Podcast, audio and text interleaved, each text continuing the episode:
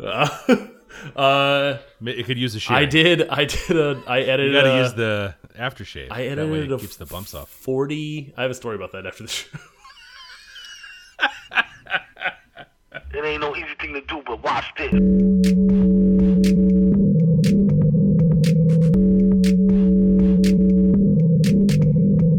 Hi, how are you? Can I can I help you with something? How you doing, man? This is the Safe as Milk podcast, where Ab and I get together twice a month to use bad words to talk about things we like.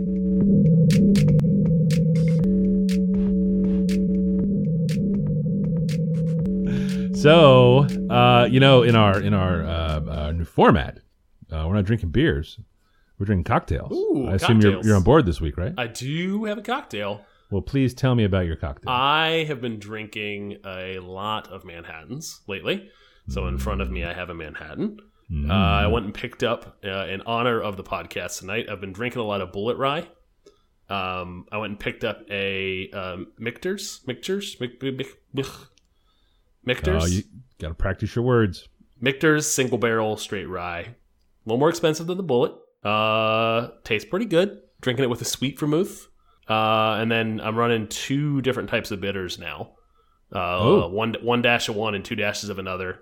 Well, what are they? No secrets. Come Oh on. man, I gotta, I gotta zoom in. Uh, Angostura, the Yeah. the classic.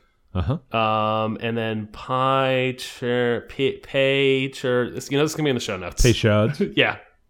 Yep, that one. uh, and then the uh, Luxardo uh, cherries, Oh, the classic maraschino like cocktail fancier cherry. than you. Yeah, it's a seventeen dollar order on Amazon to get these. Ooh. And then I and then I picked up all the ingredients tonight to make my own cocktail cherries, like a little Uh-oh. little, little little little baby little baby boy of brandy, Ooh. some some fresh cinnamon sticks, Mm-hmm, mm-hmm, mm-hmm. some some fresh cherries that are drying uh, like uh, rinsed and are drying downstairs on a paper towel, waiting for after this show.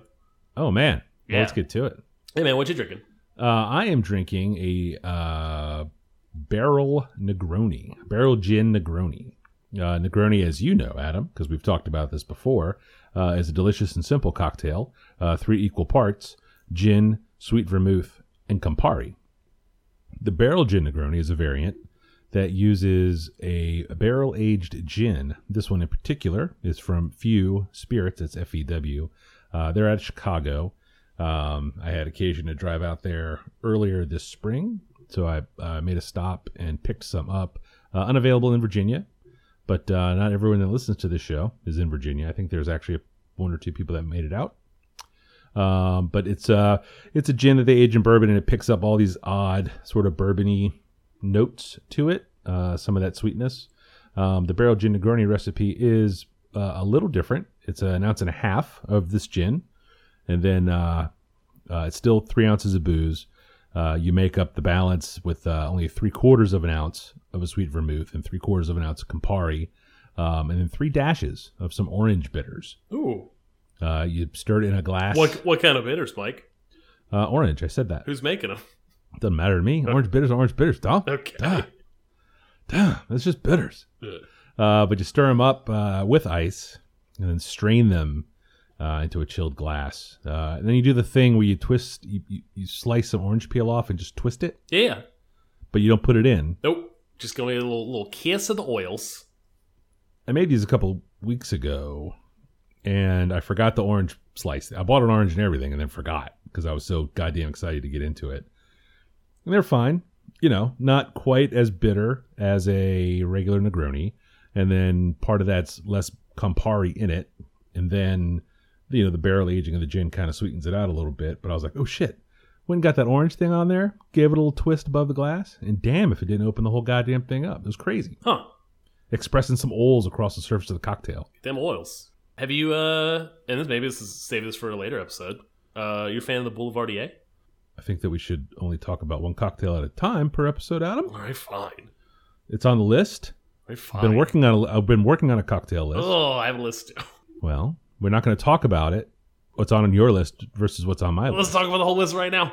Uh Mike, if folks wanted to follow us on uh social media, Mm. Uh, we are at underscore safe as milk on Twitter. We are at safe as milk podcast on Instagram. And show notes for this show and many more can be found at safeasmilk.fireside.fm. Mike, Hmm. I see you have literally no follow up. Well, you know, we shortened the show to two picks apiece to cut the overall runtime and then to maybe spend a little more time on uh, two picks that we're sure are winners. And then last episode, there were 24 minutes of follow up. I felt we had to be to be fair, it had been a while. we It had been, while. on hiatus for a bit. for a little bit. We had so built as a up favor, uh, built up a fair amount of follow up and had to Mhm. expel it. oh, it was pent up, Yes. swollen, heavy, heavy with follow up. Uh, but as a, as a favor to our listeners, I have nothing this week. Oh, I don't seem like a jerko. I have three things. You got a shitload of things. fuck, fuck these fake listeners. Desus and Mero, uh, one of the things we have talked about a lot. They they moved to Showtime at the start of the year. Um, I don't have Showtime. I have watched way less Desus and Mero than I used to. I caught three, the first three episodes when I was in Tampa in March because I happened to be in a hotel room that had just Showtime for the the hotel visitor, um, and it was very good. And it still did not sell me on subscribing to Showtime, nor any of the other people that I might steal a subscription from. Do you know anybody with Showtime? No, of course not. Yeah, well, I mean, yeah, you know people. You're out there in the world. You Do not stuff. know anybody who has Showtime. Do you? Uh, I'm. I no, I don't. Okay. I, I mean, I Uh, did. I used to did, but now I don't. In any case, think it'd be like that. their Twitter is still a good follow, or their Twitters individually are still good follows. The podcast is still great, and recently, uh, the Showtime show, uh, lots more clips on YouTube. Oh, really? Um, they moved from I think they were one day a week, where previously they were five days a week, and I think they were getting a little burnout whenever they were on Vice. Um, Yes. So they moved to one day. They're now two days a week, and a lot more content on the YouTube channel Oh, um, a little pre-show stuff. They're putting up the full interviews again, like they used to. oh, good. So, like Spike Lee has like a 22 minute interview that is on on deck at some point for me to watch in the future. Are they? Is it, is it all about the Knicks? I hope so. Yeah, seriously, Jesus. Yeah, he's a good he's a good Knicks interview. That, Well, Bill, that a- Bill Simmons Knicks like him and Bill Simmons talking about old basketball was fantastic. He's a delusional Knicks interview, like all of us. Yeah, I was about to say what what are you who are you talking about? Knicks Van heal thyself, right? Okay. Uh, uh, moving on. Lizzo, super fantastic. Yeah, super really duper. Yeah. super super duper fantastic. Uh, sold the wife on it. Was like, hey, you should listen to this uh, this new album because, like you mentioned, not a not a great Sunday fun day Sunday family No, listen. no, no, no. It's a Sunday fun day, but not for kids fun. Word. Uh, but wife loves it. Like she's downstairs doing the dishes right now, just jamming out. Those dishes are gonna be clean, motherfucker. Yeah. Um, uh, and finally, Division Two. Uh, I think out for about two and a half months now. I played it solid for a really long time. Uh, content's dried up. Not That- not a lot to do in the end game. So I've I've moved on to to greener pastures. Green pastures. I'm a big fan. Big fan of a green pasture.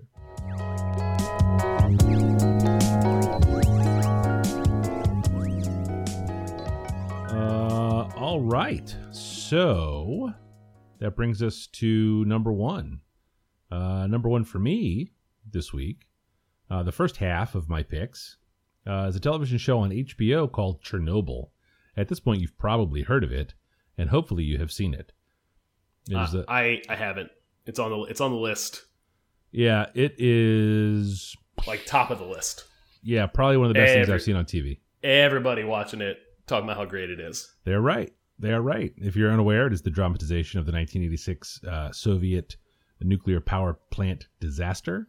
Um, it is a tense, gripping drama, uh, well written, well constructed, uh, starring uh, Jared Harris, who I uh, he was the stuttering king in the first season of The Crown. Uh, he was her her dad, um, I think. Yeah, I think that that sounds right. That's who that is. Yeah.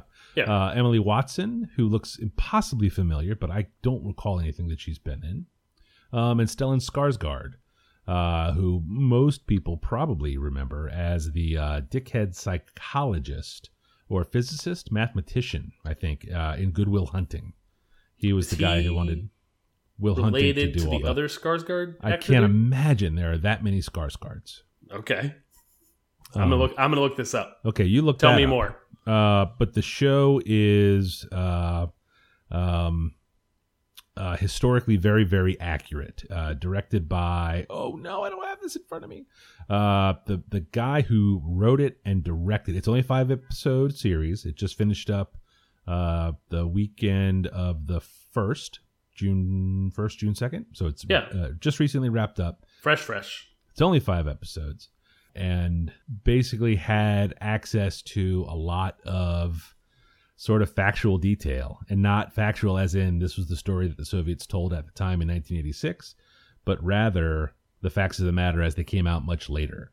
And it's a uh, uh, a really scary, horrible, horrible uh, story. Uh, because it is only five episodes and they deal with uh, the day of the disaster and subsequent events uh, of note afterwards. Uh, it's a it's a fairly broad stroked story with a with a fairly narrow narrative band uh, of these same people that touches on the different events. Like it blows up, right? So they bring these people in, and then they have uh, an emergency, and uh, they have to bring in a bunch of miners to dig a hole. And there's an episode kind of about the miners, you know, who were a very important part of what happened at Chernobyl. Yeah. Uh, but they're only in the one episode. Like you don't get follow up on what happened to the miners later. well, if you got a five episode run, a little tough. It could be a little tight. Yeah, yeah. Yeah. So if what you're looking for are callbacks to the early episodes, they're not there. They're, I mean, they're. I mean, people are dying.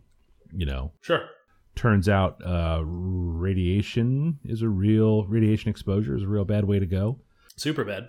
Yeah, yeah. And uh, the show, uh, I think, uh, unflinchingly shows how that goes. It's a real drag. It's a it's an interesting, I think, uh, discussion of how the Soviet people were coming out of sort of the revolution, and then in through World War II, and then into How that how that culture dealt with like what that culture was at the time dealt with this kind of thing. Uh, it, well, how that culture dealt with this disaster was uh, emblematic of just the way that culture was. Yeah. Um, you know, I don't want to give too much. It's all on the Wikipedia page, but it really illustrated how how Soviet people were. Um, you know, I've I've read around a little bit, running into just like Soviet people that were like, "Holy shit, this thing's like uh, real right." Like talking about how like the furniture in the apartments and the cigarettes that they're smoking, Yeah. and then like the words that people would use to talk about stuff, but not really talk about stuff, were like real for real. Like someone who grew up, who was like in high school and in their early twenties in the eighties in Soviet Union. So it's spot on detail. There's a companion podcast that the writer and director uh, hosts that's I think provides richer detail and more information about each episode um, and the exact history it's based on. You know, some of the stuff is uh, uh, a lot of it's real heavy and real hard to look at, and they talk about how they had to pick and choose what to put in because it's like, yeah, these five really fucked up things were in that episode. We had twelve to choose from. Ugh. So we, we couldn't put like the worst three in there because nobody wants to see that. Like that's Is this just is this something to watch to listen to per episode, Yeah. or is this something to listen to after? uh no episode by episode Okay, that's because good. yeah it doesn't like cheat ahead or anything like that. Um, I think the I think it comes out on Tuesdays. I forget exactly. Just a, a real real bad thing that happened and a really really good television show about it. It's uh my wife works uh, in a hospital in the nuclear medicine department, so it's been kind of fun early on like just the way they approach radiation safety or approached radiation safety in the Soviet Union in the 19 1986. Yeah. Uh, she was getting like hives. you know, like uh, uh, there is a scene where uh, the reactor has exploded. There is a giant fire. They call the firemen in, and the firemen just kind of start falling over. So they rush them to the hospital, obviously dressed in their fireman clothes, and they're stripping them of their fireman clothes. So they, you know, the nurses peel all their clothes off, and then uh, someone is like, "Hey, this stuff is uh, pretty irradiated. You should get it out of here." So there's a scene of this nurse with an arm full of Ugh. fireman clothes, Oh god. just like like no gloves, no gown, no hat, just like in her nurse's uniform. Yeah. Like kicking open this door, dumping it, and then here comes another nurse with another armload, dumping it. And it's like what the podcast tells you is um, all those fireman clothes are still there, and they are still dangerously radioactive, and Yeah. all those people that carried them are dead. and Oof. it didn't and it didn't take long. Like it's yeah, yeah, it's shit so like that. so uh, I've seen more than more than one, I think two or three actually, uh, tweets about this show and Okay. about people who can't watch the show before they go to bed. Yeah, it's like that. Did you, did you run into that? Uh, no, no. Um, I remember it in the news.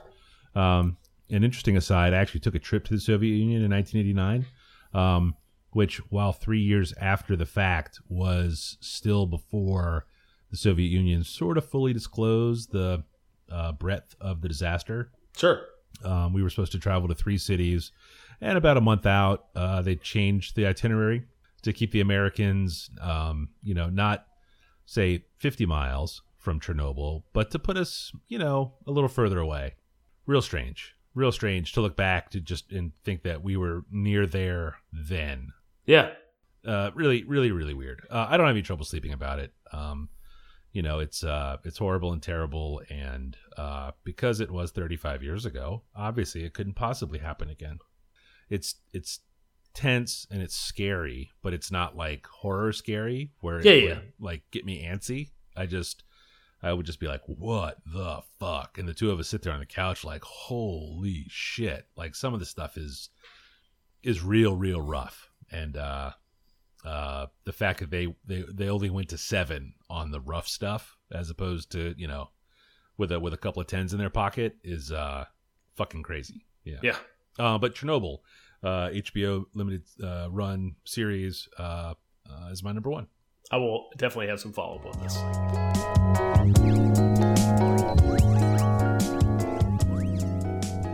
My number one is a new album from Schoolboy Q, Crash Talk. Uh, it is his fifth studio album. Uh, the song I would recommend is Numb Numb Juice. I mean, that's bitch shit. Faking like you got it in your pockets, yeah, that's bitch shit. Talking to them hoes, you steady gossip, yeah, that's bitch shit. Telling on your man so you can scram, yeah, that's bitch shit. Pull it out and acting like you jam, yeah, that's bitch shit. Hating on another nigga, come up, yeah, that's bitch shit. Staying in because you know it's summer, yeah, that's bitch shit. You a bitch boy, you're my mama. Uh. Okay, let's get it. Bitch, let's get it. Woo! Got a plan. We gon' kill this man. The gun won't jam. It's on on site. I might get life. That's on my life. The fofo bite. The gon' green light. I build that price. I build up nice. The guy won't die. Okay, let's get it. Bitch, let's get it. Woo! it is a ugh just a solid solid like bang like the kind of like like banger that like schoolboy q puts out put out a lot of those on blank face and oxymoron which are probably my two favorite albums that he's put out um this is his fifth um he does not stray very far stylistically from kind of what his kind of like well tread path has become He's got the blueprint. He knows what he's he doing. does, yeah. He's also uh he's he's 32. Like he's he's been doing this for a little while. Oh no, no, you're supposed to say uh, he's been doing this for a minute. I For a minute. He's been doing this Oh, for a minute. Thanks. I don't think people say that anymore. People totally say that, okay. bruh. They, actually- they Uh, don't. They don't say that. Okay. Uh in any case, uh this is a this is a this is a solid entry as a fifth album. Um it is is very much in his style, very much uh I have kind of like I'm I'm here for it. Um anything's Oh, cool. that's another one that they say. Oh, they you are do. here. I'm so here for that. Yes. Uh, uh, there's there's some. It's a it's a little bit of a mixed bag. Um, there's some really strong uh songs on here, and then a couple that are just like I don't know misses. Mm. Like Trav, there's a feature from Travis Scott on the song called Chopsticks. And the first time I listened to it, I was like, "Ah, that's kind of catchy." And then I listened to it a second time, yeah. And a third time, I was like, "I, I don't want to listen to this song anymore." but you like Travis Scott. Uh, no. Or wait, no, you're out on Travis Scott. You were Yeah. in, but now you're out. I don't know if I've ever been in on Travis Scott. I don't know. I've never brought Travis Scott to this show. I'm. Just, I just. I don't know. There's that. There's one song. Like there's a song on his last album that was a song that like made it to my list. Mm-hmm. I think that might be the only one on my playlist. Okay. Right. No. I'm sorry. I didn't mean to distract. Not. you. No, that's fine. No, no, no. This is good. I like to, I like exploring my Travis Scott fandom. and lack thereof. I think I think uh are you I don't I, I wasn't saying you were um standing Travis Scott. Sure. Uh-huh, uh-huh, uh-huh. Right, right. Oh, right. ooh, we're just hitting them all. Crush it. Let's up. go. Let's hop in this time machine from eight years. 8. No one was standing anything 8 years ago. Yeah, that's uh uh washed. Hmm. Oh, wow. There you go. Uh, uh, uh, floating, floating, and crash. Uh, two other solid entries here. Uh, floating features Twenty One Savage, another young, up and coming, ish, uh, rapper that I also kind of mixed mixed feelings about. Hmm. Um, float. He does not detract too much from floating though. Floating is a great song. yeah. And uh, I I think I've mentioned before, like the TDE, the Black Hippy, like Kendrick Lamar and Jay Rock and Schoolboy Q. Like I'm I'm in for TDE stuff. I'm in for Black Hippy stuff. But not Travis Scott. Not Except for that one song. Except for that one song. Right. it's hard keeping up. I got to tell you, uh, 21 Savage, I recognize. Obviously, school like 21, 21, 21, 21. Oh, I'm out already. Oh my god. Really? he definitely does that in, No. this, in that Out. song. Out. And I don't like it. You're correct to not like it. That's not good. yeah, Crash Talk by Schoolboy Q. My number two this week, second half of my picks, uh, is a movie, a film uh, from 2019 called Booksmart. Uh, this is, uh, I would call this, in my humble opinion, a funny ass movie. Uh, starring Be- Beanie Feldstein and Kaitlyn Dever as singularly focused high school seniors who try to make up for all of their missed fun on the night before graduation. Uh, it is not a revolutionary plot. I would say that this is uh, the proper template for you know your standard scene teen sex comedy directed by olivia wilde who is an actor whose work i'm not super familiar with um, Was she on uh, House? Is that the thing I know her from? oh you know what that might be what she's from i I think that's the only thing I know her from. yeah i think that's her that's probably i didn't watch that show That show was pretty good. yep she was on house and she was in tron legacy No, she wasn't Tron. I saw that movie in the theater. i saw that that's saw it too yeah. Um, but she directed this one. Boy, is it funny! Like it's really, really. I enjoy those films. The trailer, the trailer looks great. yeah, I, yeah, I've seen it on TV a few times. yeah. Um, the most common comparison it gets is uh, Superbad. Yep. Um, just with girls instead of boys. Um, not entirely inaccurate, but uh, probably a little lazy. These guys, it's just, it's just really, really funny. It's very, very 2019, uh, in lots of different ways that I won't give away. Um, I think they spent a lot of money on that uh, "Run the Jewels" song that's featured. Oh, I think even yeah. in the trailer. Yep. sure is. because it shows up four or five times in the film. It's pretty funny. Uh, so you know, you get the impression that it's kind of a smaller scale film, um, and they do the thing that a lot of these teen sex comedies have trouble with, and that's sort of uh, landing sort of that last act, right? Like, there, Yes. you know, very much. I I didn't even say that. It's just all comedy movies. yes, like you like run the the, majority of them. Yep. Like you have these set pieces, you have these funny ideas, like uh, you know, uh, someone's gonna throw up all over the teacher or whatever. And then uh uh then you tie all those things together, and it's like, well fuck, how does this thing end? And then uh this one ends really well. It's uh it's clever and it's smart and it's funny. The music in it is killer. Uh Dan the Automator did the score. So even the music in the movie that isn't songs like song songs is dope as shit. Yeah. Um, I would rec. It's a it's a really really good date movie. Is it gonna be a? Is it gonna be a good soundtrack? I don't know yet. I Okay. can't tell. The soundtrack itself is solid. It's got a lot of really good songs on it, like songs. Uh, but I would love to get my hands on the score. Sometimes Dan the Automator will put that stuff out, uh, but then sometimes he doesn't. So you don't ever really know what you're going to end up with. Uh, but this is a uh, much like Game Night, a, a, a good comedy that seemed to finish well. Um, uh, this reminds me of that in that it's sort of uh, it's a small movie with funny people in it that I like to watch act. It's got a lot of people that you would recognize in small bit, even a couple of cameo roles. Um, great date movie would be fun for a night out, um, and will be as good for you know a date in on the couch. That is how I'm gonna watch it. Yep. Uh, Booksmart. Nice.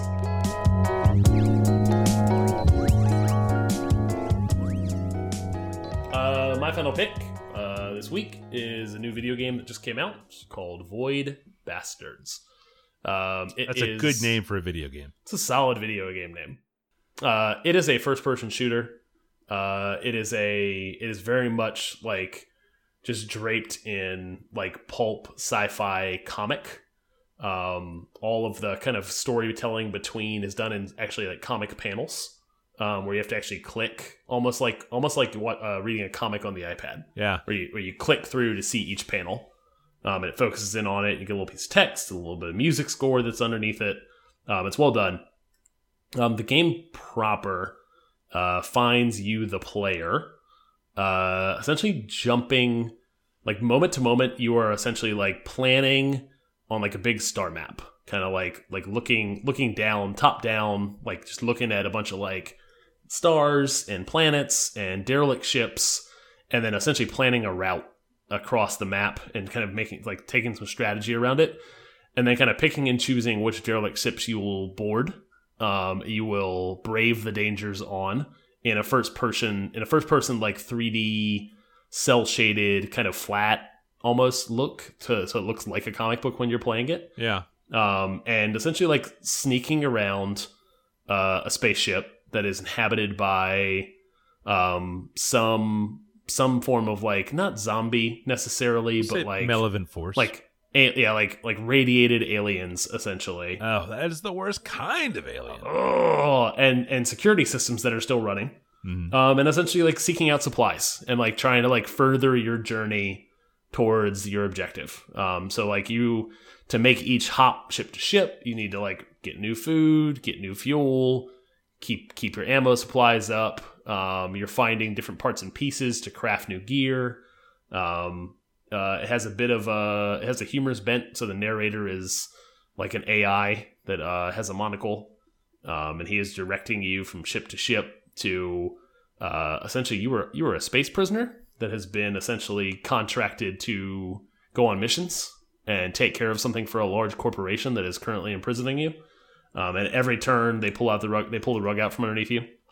Um, narratively, um, it's pretty solid. Uh, it is a PC and Xbox game. I am playing it on the PC. It looks like it could be a reasonable translation to the Switch Oh, I think so. at some Yeah. point. Yes, it is. A, it was only thirty dollars too, which is nice. Um, it was thirty dollars. It's the second game from a uh, a small studio with big names. So the guys behind one of the guys behind Irrational Games, who made like Bioshock, is maybe probably the only game you've heard of that they've made. I hear about lots of games, Adam. Okay, have you heard of Bioshock? Yes. So this game is is made by one of the directors of Bioshock, the Okay. original Bioshock. Um, he left and uh, started up his own little indie studio to just make stuff that he found fun, and took all those big those big paychecks he got from Irrational Uh-huh. uh, and self funded. So he has I don't think he has any investors. Um, so he outsources a lot of work, and he has a very small development staff of like, I think like maybe five to eight ish people at various times. Uh, a lot of like like writers and um, you know designers, like people that are doing like creative work, and I think he's maybe outsourcing a lot of the programming. Um, it's an interesting setup. Uh, in any case, this is their only their second game. I think he left in 2010 and then released his first game in 2012, and then this is their second game in 2019. Um, so I don't think there's any urgency, given that he doesn't have investors, which is cool. Um, and he ma- he's making stuff that he finds interesting, and that, then that's what Void Bastards uh, is. And I would I would agree, very interesting and fun game. It's the it's the Robert uh, Pattinson model, isn't it? To Yeah. to get them checks and then do what you want until it's time to be Batman. Yeah, yep. Hell yeah.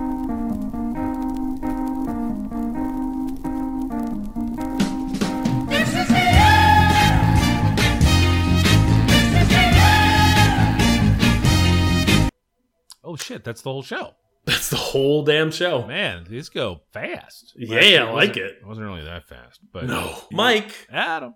Uh, if folks wanted to follow up with uh, what you're doing outside of this podcast, where are they about to find you on the internet? I am Falfa, F A L F A, all the places, the uh, grams, the tweets, and the dot coms. Where where have you been? I am 180 lunches on Instagram and dot com. Dot dot com. Bing. Cool blah blah blah.